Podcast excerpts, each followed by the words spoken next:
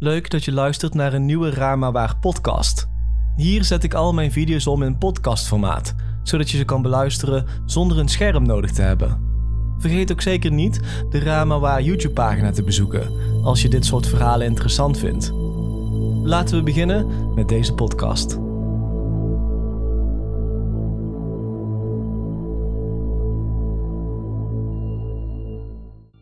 Verandering is verschrikkelijk, vooral als je jong bent. Voor een achtjarige jongen als ik was het verhuizen naar de andere kant van het land de meest verschrikkelijke situatie die je maar kon voorstellen. Als je jong bent, voelt het achterlaten van de al weinig vrienden die je hebt als het einde van de wereld. Ik herinner me de verhuizing naar Groningen niet heel goed. Ik weet alleen nog dat ik heel de weg heb gehuild. Mijn ouders bleven me continu troosten en ze verzekerden me ervan dat ik nieuwe vrienden zou maken en dat Groningen vele betere parken en speeltuinen zou hebben om in te spelen. Maar ik luisterde niet.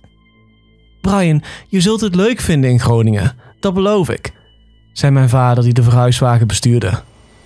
Nee, ik haat Groningen. Ik wil terug naar Zeeland, zei ik geïrriteerd. Oh, Brian, ik weet zeker dat je het leuk zal vinden als we er eenmaal zijn, bleef mijn moeder volhouden. Dennis lijkt het niet erg te vinden om te verhuizen, of wel soms, zei mijn moeder. Tuurlijk vond mijn broertje het niet erg om te verhuizen. Hij was pas vier jaar oud. Hij begreep niet eens wat er aan de hand was. Hij zat naast me op de achterbank met zijn plastic krokodil te spelen. Ugh, mam, het maakt Dennis niets uit, want hij is nog klein. Als hij mijn leeftijd was, zou hij ook terug willen. Dennis protesteerde omdat ik hem klein noemde, maar ging snel door met het spelen met zijn krokodil. Ik bleef maar zeuren en jammeren, zoveel als ik kon voor de rest van de rit. De rit van Zeeland naar Groningen was een goede drie uur, dus kwamen wij pas laat in de avond aan. Een andere verhuiswagen had onze bedden al gebracht en naar binnen verplaatst, zodat we direct konden gaan slapen. Ook al was ik boos over de verhuizing, ik was toch blij dat ik in mijn eigen bed kon slapen, ook al had ik liever dat deze op een andere locatie stond. Met veel irritatie en verdriet gericht op mijn ouders ging ik naar bed. Als ik toen wist wat ik nu weet, zou ik willen dat ik ze meer had gewaardeerd. Ze hadden zo hard hun best gedaan om ons gelukkig te maken. Ik zou willen dat ik aardiger tegen ze was geweest en minder had geklaagd over de verhuizing. Ik wou dat ik een betere zoon was geweest toen ik de kans nog had. Als ik terugdenk aan de herfst dat we naar Groningen verhuisden, denk ik aan alles wat beter had kunnen zijn. Dat klote spel heeft alles verpest. Sorry, ik loop op de zaken vooruit. Ik ben opgegroeid in de jaren 90 en het jaar waarin we verhuisden was 1995. Net als ieder ander kind was ik helemaal gek op mijn Super Nintendo Entertainment System, wat wij toen een SNES noemden. Ik heb meer op dat ding gespeeld dan ik wil toegeven. Het was echt mijn meest kostbare bezit. Toen ik wakker werd, was het eerste wat me opviel dat mijn Nintendo aangesloten was en dat er een nieuwe game in zat. Voor degenen die zich de SNES herinneren, je zal wel weten dat elk spel er ongeveer precies hetzelfde uitzag. Ze waren allemaal van die dikke plastic cartridges, een grijze kaart met een witte of zwarte sticker op de voorkant. Deze zag er anders uit. Deze was felblauw met felrode stickers. Ik had nog nooit zoiets gezien. Ik was op zijn zacht gezegd extreem enthousiast. Ik ging ervan uit dat mijn ouders me het spel gegeven hadden, zodat ik me niet zo rot zou voelen door de verhuizing. En ik moet toegeven, het werkte wel. Mijn haat en afgunst tegen het nieuwe huis vervaagde als sneeuw voor de zon toen ik de nieuwe game zag. Voordat ik de SNES kon aanzetten, riep mijn moeder mij naar beneden om te gaan ontbijten. Met tegenzin trok ik mezelf weg van de console en liep ik naar de nieuwe keuken. Deze was veel mooier dan degene waarin ik ben opgegroeid in Zeeland. Mijn moeder stond aan het fornuis eieren te bakken. En mijn vader zat aan de keukentafel en smeerde een stuk toast. Dennis zat ook aan de keukentafel te spelen met zijn krokodil, terwijl er zo af en toe eens een hap havermout zijn mond in ging. Goedemorgen, Brian. Heb je het cadeau gevonden dat pap en ik voor je gehaald hebben? Er kwam een grote glimlach op mijn gezicht. Je bedoelt het nieuwe spel? Ja, dank je, dank je. Het is geweldig, zei ik vol enthousiasme. Mijn vader aaide me over mijn bol en gebaarde dat ik aan de keukentafel moest gaan zitten. Ik ben blij dat je het leuk vindt, Brie. Ik heb het van mijn nieuwe baan. Ik dacht bij mezelf dat jij er meer aan zou hebben dan ik. Mijn vader had onlangs een baan aangenomen als programmeur, bij een bedrijf genaamd Kalivaki Electronics. De baan was de reden dat wij verhuisd waren, dus ik was wel blij dat ik ervan had mee kunnen profiteren. Hoewel ik stond te popelen om het nieuwe spel te spelen, dwongen mijn ouders me aan tafel te blijven tot ik een paar pannenkoeken en een bord eieren had gegeten. Zodra ik de kans had, sloop ik terug naar mijn kamer om op de SNES te spelen. Tot nu toe had ik niet echt de kans gehad om eens goed te kijken naar het nieuwe spel. Zoals ik al eerder zei, had de cartridge een felle kleur, maar verder leek het op alle andere spellen. De sticker op de voorkant was rood, met gele letters. Worryland stond er heel groot op. De letters waren gedrukt op een afbeelding van een cartoonachtig straalpistool, een soort railgun van de Call of Duty zombie games. Ik weet zeker dat dit teleurstellend klinkt voor iedereen van de Xbox en PlayStation generatie, maar ik stond toen bijna te springen van opwinding. Met weinig aarzeling zette ik de console in mijn kleine tv aan. Het scherm bleef ruim een half minuut leeg en ik stond op het punt om te resetten. Tot mijn tv oplichtte met fel gele letters. Worryland. Een vrolijk deuntje begon uit de luidsprekers te komen. En terwijl het deuntje doorging en mijn Nintendo piepte, kwam er een witte tekst in beeld. Kalivaki Electronics Co. Software like you've never seen before. Zoals elke achtjarige jongen was het idee van het spelen van een nieuwe game overweldigend. Dat gevoel werd snel afgebroken toen een kleine reeks witte letters in de linkerbovenhoek van het scherm verscheen. Je hebt geen zorgen. Probeer het alsjeblieft later opnieuw. Ik was gefrustreerd. Ik heb verschillende keren geprobeerd om het spel opnieuw op te starten, maar ik kreeg telkens hetzelfde resultaat. Ik haalde de game met mijn console en schoof deze onder mijn bed. Het stomme spel werkte niet. Ik ergerde me aan mijn ouders, ook al wist ik dat het niet echt hun schuld was. Zij hadden de game niet getest of iets dergelijks. Gelukkig had ik Mega Man X nog niet uitgespeeld, dus had ik een andere game om mijn gedachten af te leiden. En ik was Worryland alweer snel vergeten. De volgende ochtend begon school. Ik was zenuwachtig om naar een nieuwe school te gaan en te beginnen in groep 5. Sommige kinderen vinden het leuk om naar school te gaan, maar daar hoorde ik niet bij. Het kostte me meestal een behoorlijke tijd om nieuwe vrienden te maken. En ik haatte hoe eenzaam de eerste paar dagen voelde voordat ik dat had gedaan. Deze dag begon slechter dan ik me ooit had kunnen voorstellen. Toen ik de bus uitstapte, struikelde ik en viel van de treden. Met een plof kwam ik op de keiharde stoep van mijn school terecht. Onder me voelde ik iets kouds en nats mijn kleren indringen. Ik was op een lunch beland, die onder me was ontploft. Terwijl ik opstond, veegde ik de yoghurt en broodkruimels van mijn shirt. Toen hoorde ik Sander zijn lach. Xander was een oudere jongen. Hij was het type dat zich een aantal keer per week moest melden bij de directeur. Meestal omdat hij dan een jonger kind weer aan het pesten was. Behoorlijke eikel, zal ik maar zeggen. Je moet je lunch opeten, niet op de grond gooien, hè? Xanders kinderachtige grap veroorzaakte een hoop gelach bij de rest van de kinderen die uit de bus stapten. Ik staarde naar Xander, die makkelijk een halve meter langer en 30 kilo zwaarder was. Oh, ga je huilen? plaagde Sander. Maar daar had hij wel gelijk in. Ik begon inderdaad te huilen. Ik rende naar mijn nieuwe klaslokaal, terwijl de tranen over mijn wangen stroomden. Ik besteedde de eerste helft van mijn dag aan tranen wegvegen, in plaats van nieuwe vrienden maken. Nu wilde niemand meer met mij praten, omdat ze wisten dat ik het kind was dat struikelde tijdens het uitstappen van de bus. Iedereen wist dat ik een loser was. Om het nog erger te maken, bevestigde Sander elke twijfel over mijn impopulariteit tijdens de pauze. Toen ik probeerde op de schommel van onze speeltuin te klimmen, hoorde ik Sander achter me lachen. Kijk, de huilende baby probeert mijn schommel af te pakken, zei Xander, terwijl hij werd omringd door een groep van zijn ongetwijfeld trouwe fans. Ze lachten allemaal. Het is niet jouw schommel, zei ik. Het lachen hield op en Xander kwam heel snel dichterbij. En in een kwestie van seconden stond hij voor me. Hij greep me bij mijn kraag. Wat zei je?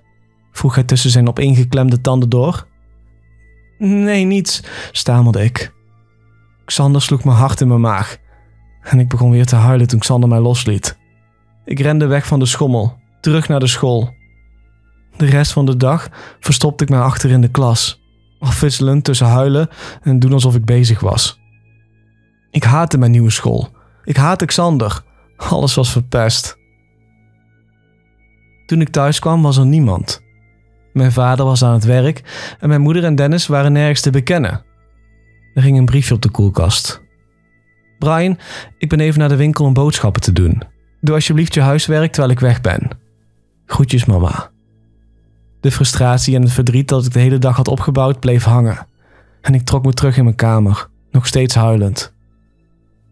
Terwijl ik naar binnen liep, zag ik iets blauws naar mij gluren, van onder mijn bed. Het was de nieuwe game, Worryland. Het spel werkte de dag ervoor niet, maar toch voelde ik de behoefte om het nog een keer te proberen. Met weinig moeite verwijderde ik Mega Man X van de SNES en sloot ik Worryland aan. Hetzelfde titelscherm verscheen zoals de vorige keer.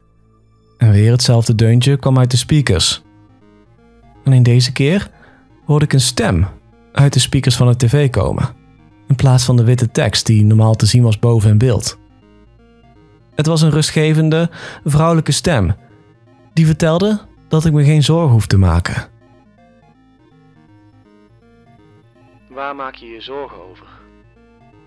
Het scherm bleef zwart en ik zweeg. Brian, je moet me vertellen wat er aan de hand is. Het spel zei mijn naam. Ik was echt onder de indruk van deze technologie. Het was me vrij duidelijk dat deze game beter zou worden dan ik in eerste instantie dacht. Ik wist niet helemaal zeker wat ik moest doen, dus beantwoordde ik de vraag. Uh, ik had een rotdag op school. Er was een pestkop die Xander heette. Hij sloeg me. Dat was alles wat ik eruit kon krijgen. Tot mijn verbazing veranderde het scherm van de game. Er kwam een klein, pixelachtig schoolgebouw tevoorschijn. Ik kon zien dat het een school was, omdat ik een schoolbus kon zien. Aan de linkerkant was er een klein karakter. Hij droeg een rood overhemd en een korte blauwe broek, waar allebei vlekken in zaten. Ineens bedacht ik me dat ik zelf een rood shirt en blauwe broek droeg. Ze waren bevlekt door de lunch waar ik op was gevallen. Het kleine karakter moest ik zijn. Het enige verschil was dat dit personage iets in zijn handen had. Het straalpistool dat op de cartridge stond. Ik drukte op de besturingsknoppen op de controller en het personage bewoog. Ik liep richting de gepixelde versie van mijn school. En even later kwam ik twee gepixelde kinderen tegen. Ze hadden tekstballonnen boven hun hoofd en hun slecht geanimeerde monden klapperden open en dicht. De tekstballonnen zeiden: Kijk naar die huilenbak. En mooi shirt, loser. Het lezen van die tekst bracht mijn frustratie en verdriet terug. Ik drukte op de X-knop in de hoop dat er iets zou gebeuren. En tot mijn grote verbazing deed dat het ook. Het straalpistool dat mijn personage vast had schoot.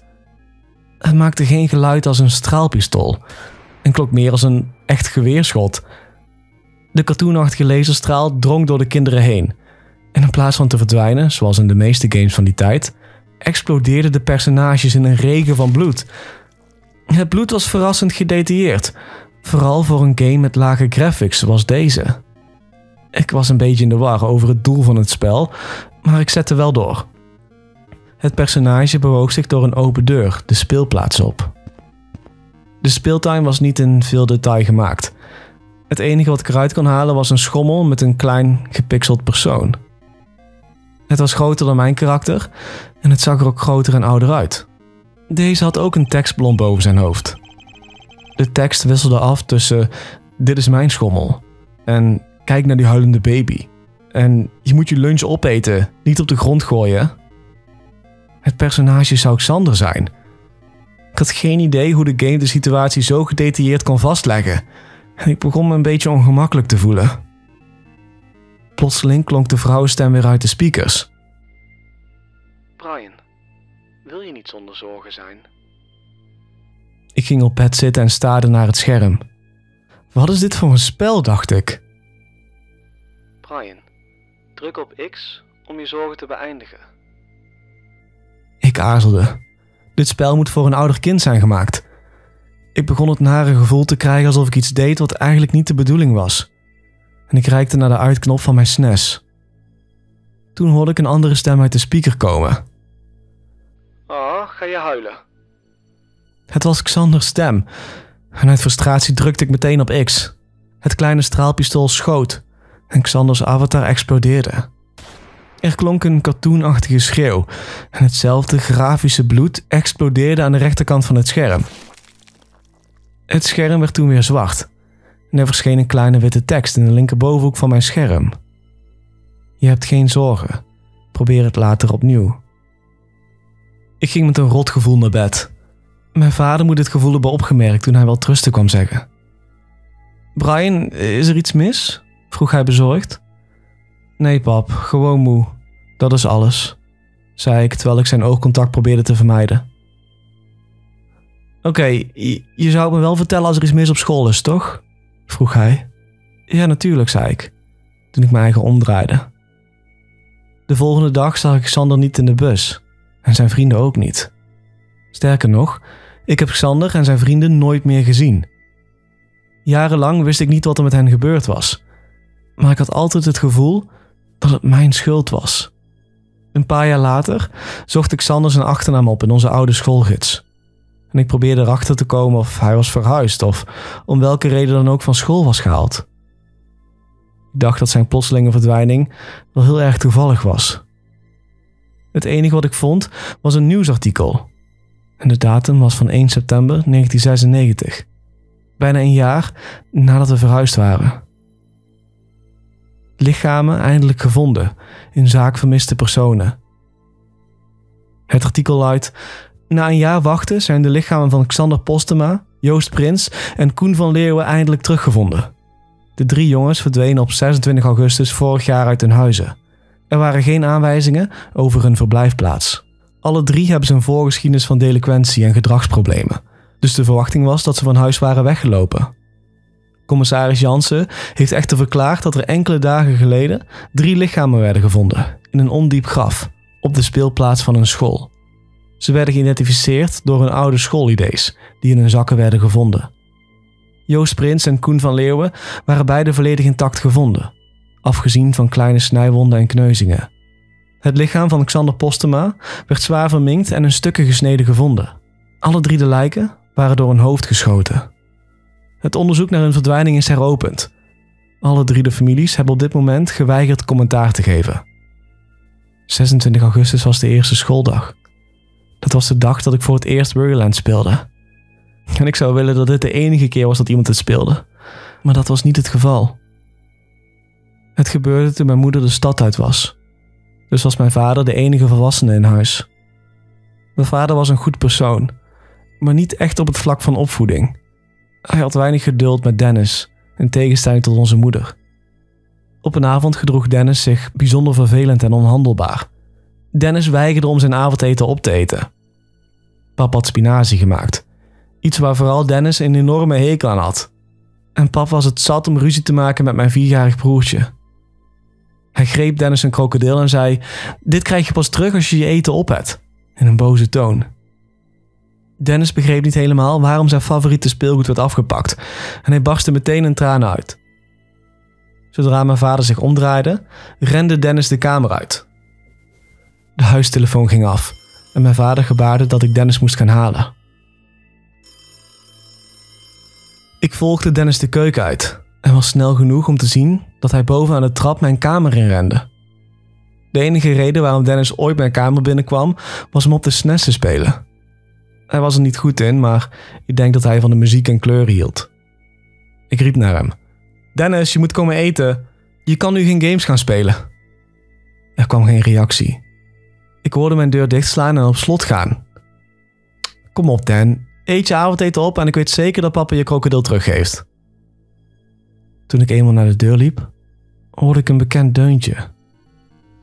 Terwijl ik aan de deurklink rommelde, probeerde ik te plaatsen waar ik het deuntje van herkende. Toen hoorde ik een stem. Wat zijn je zorgen, kind?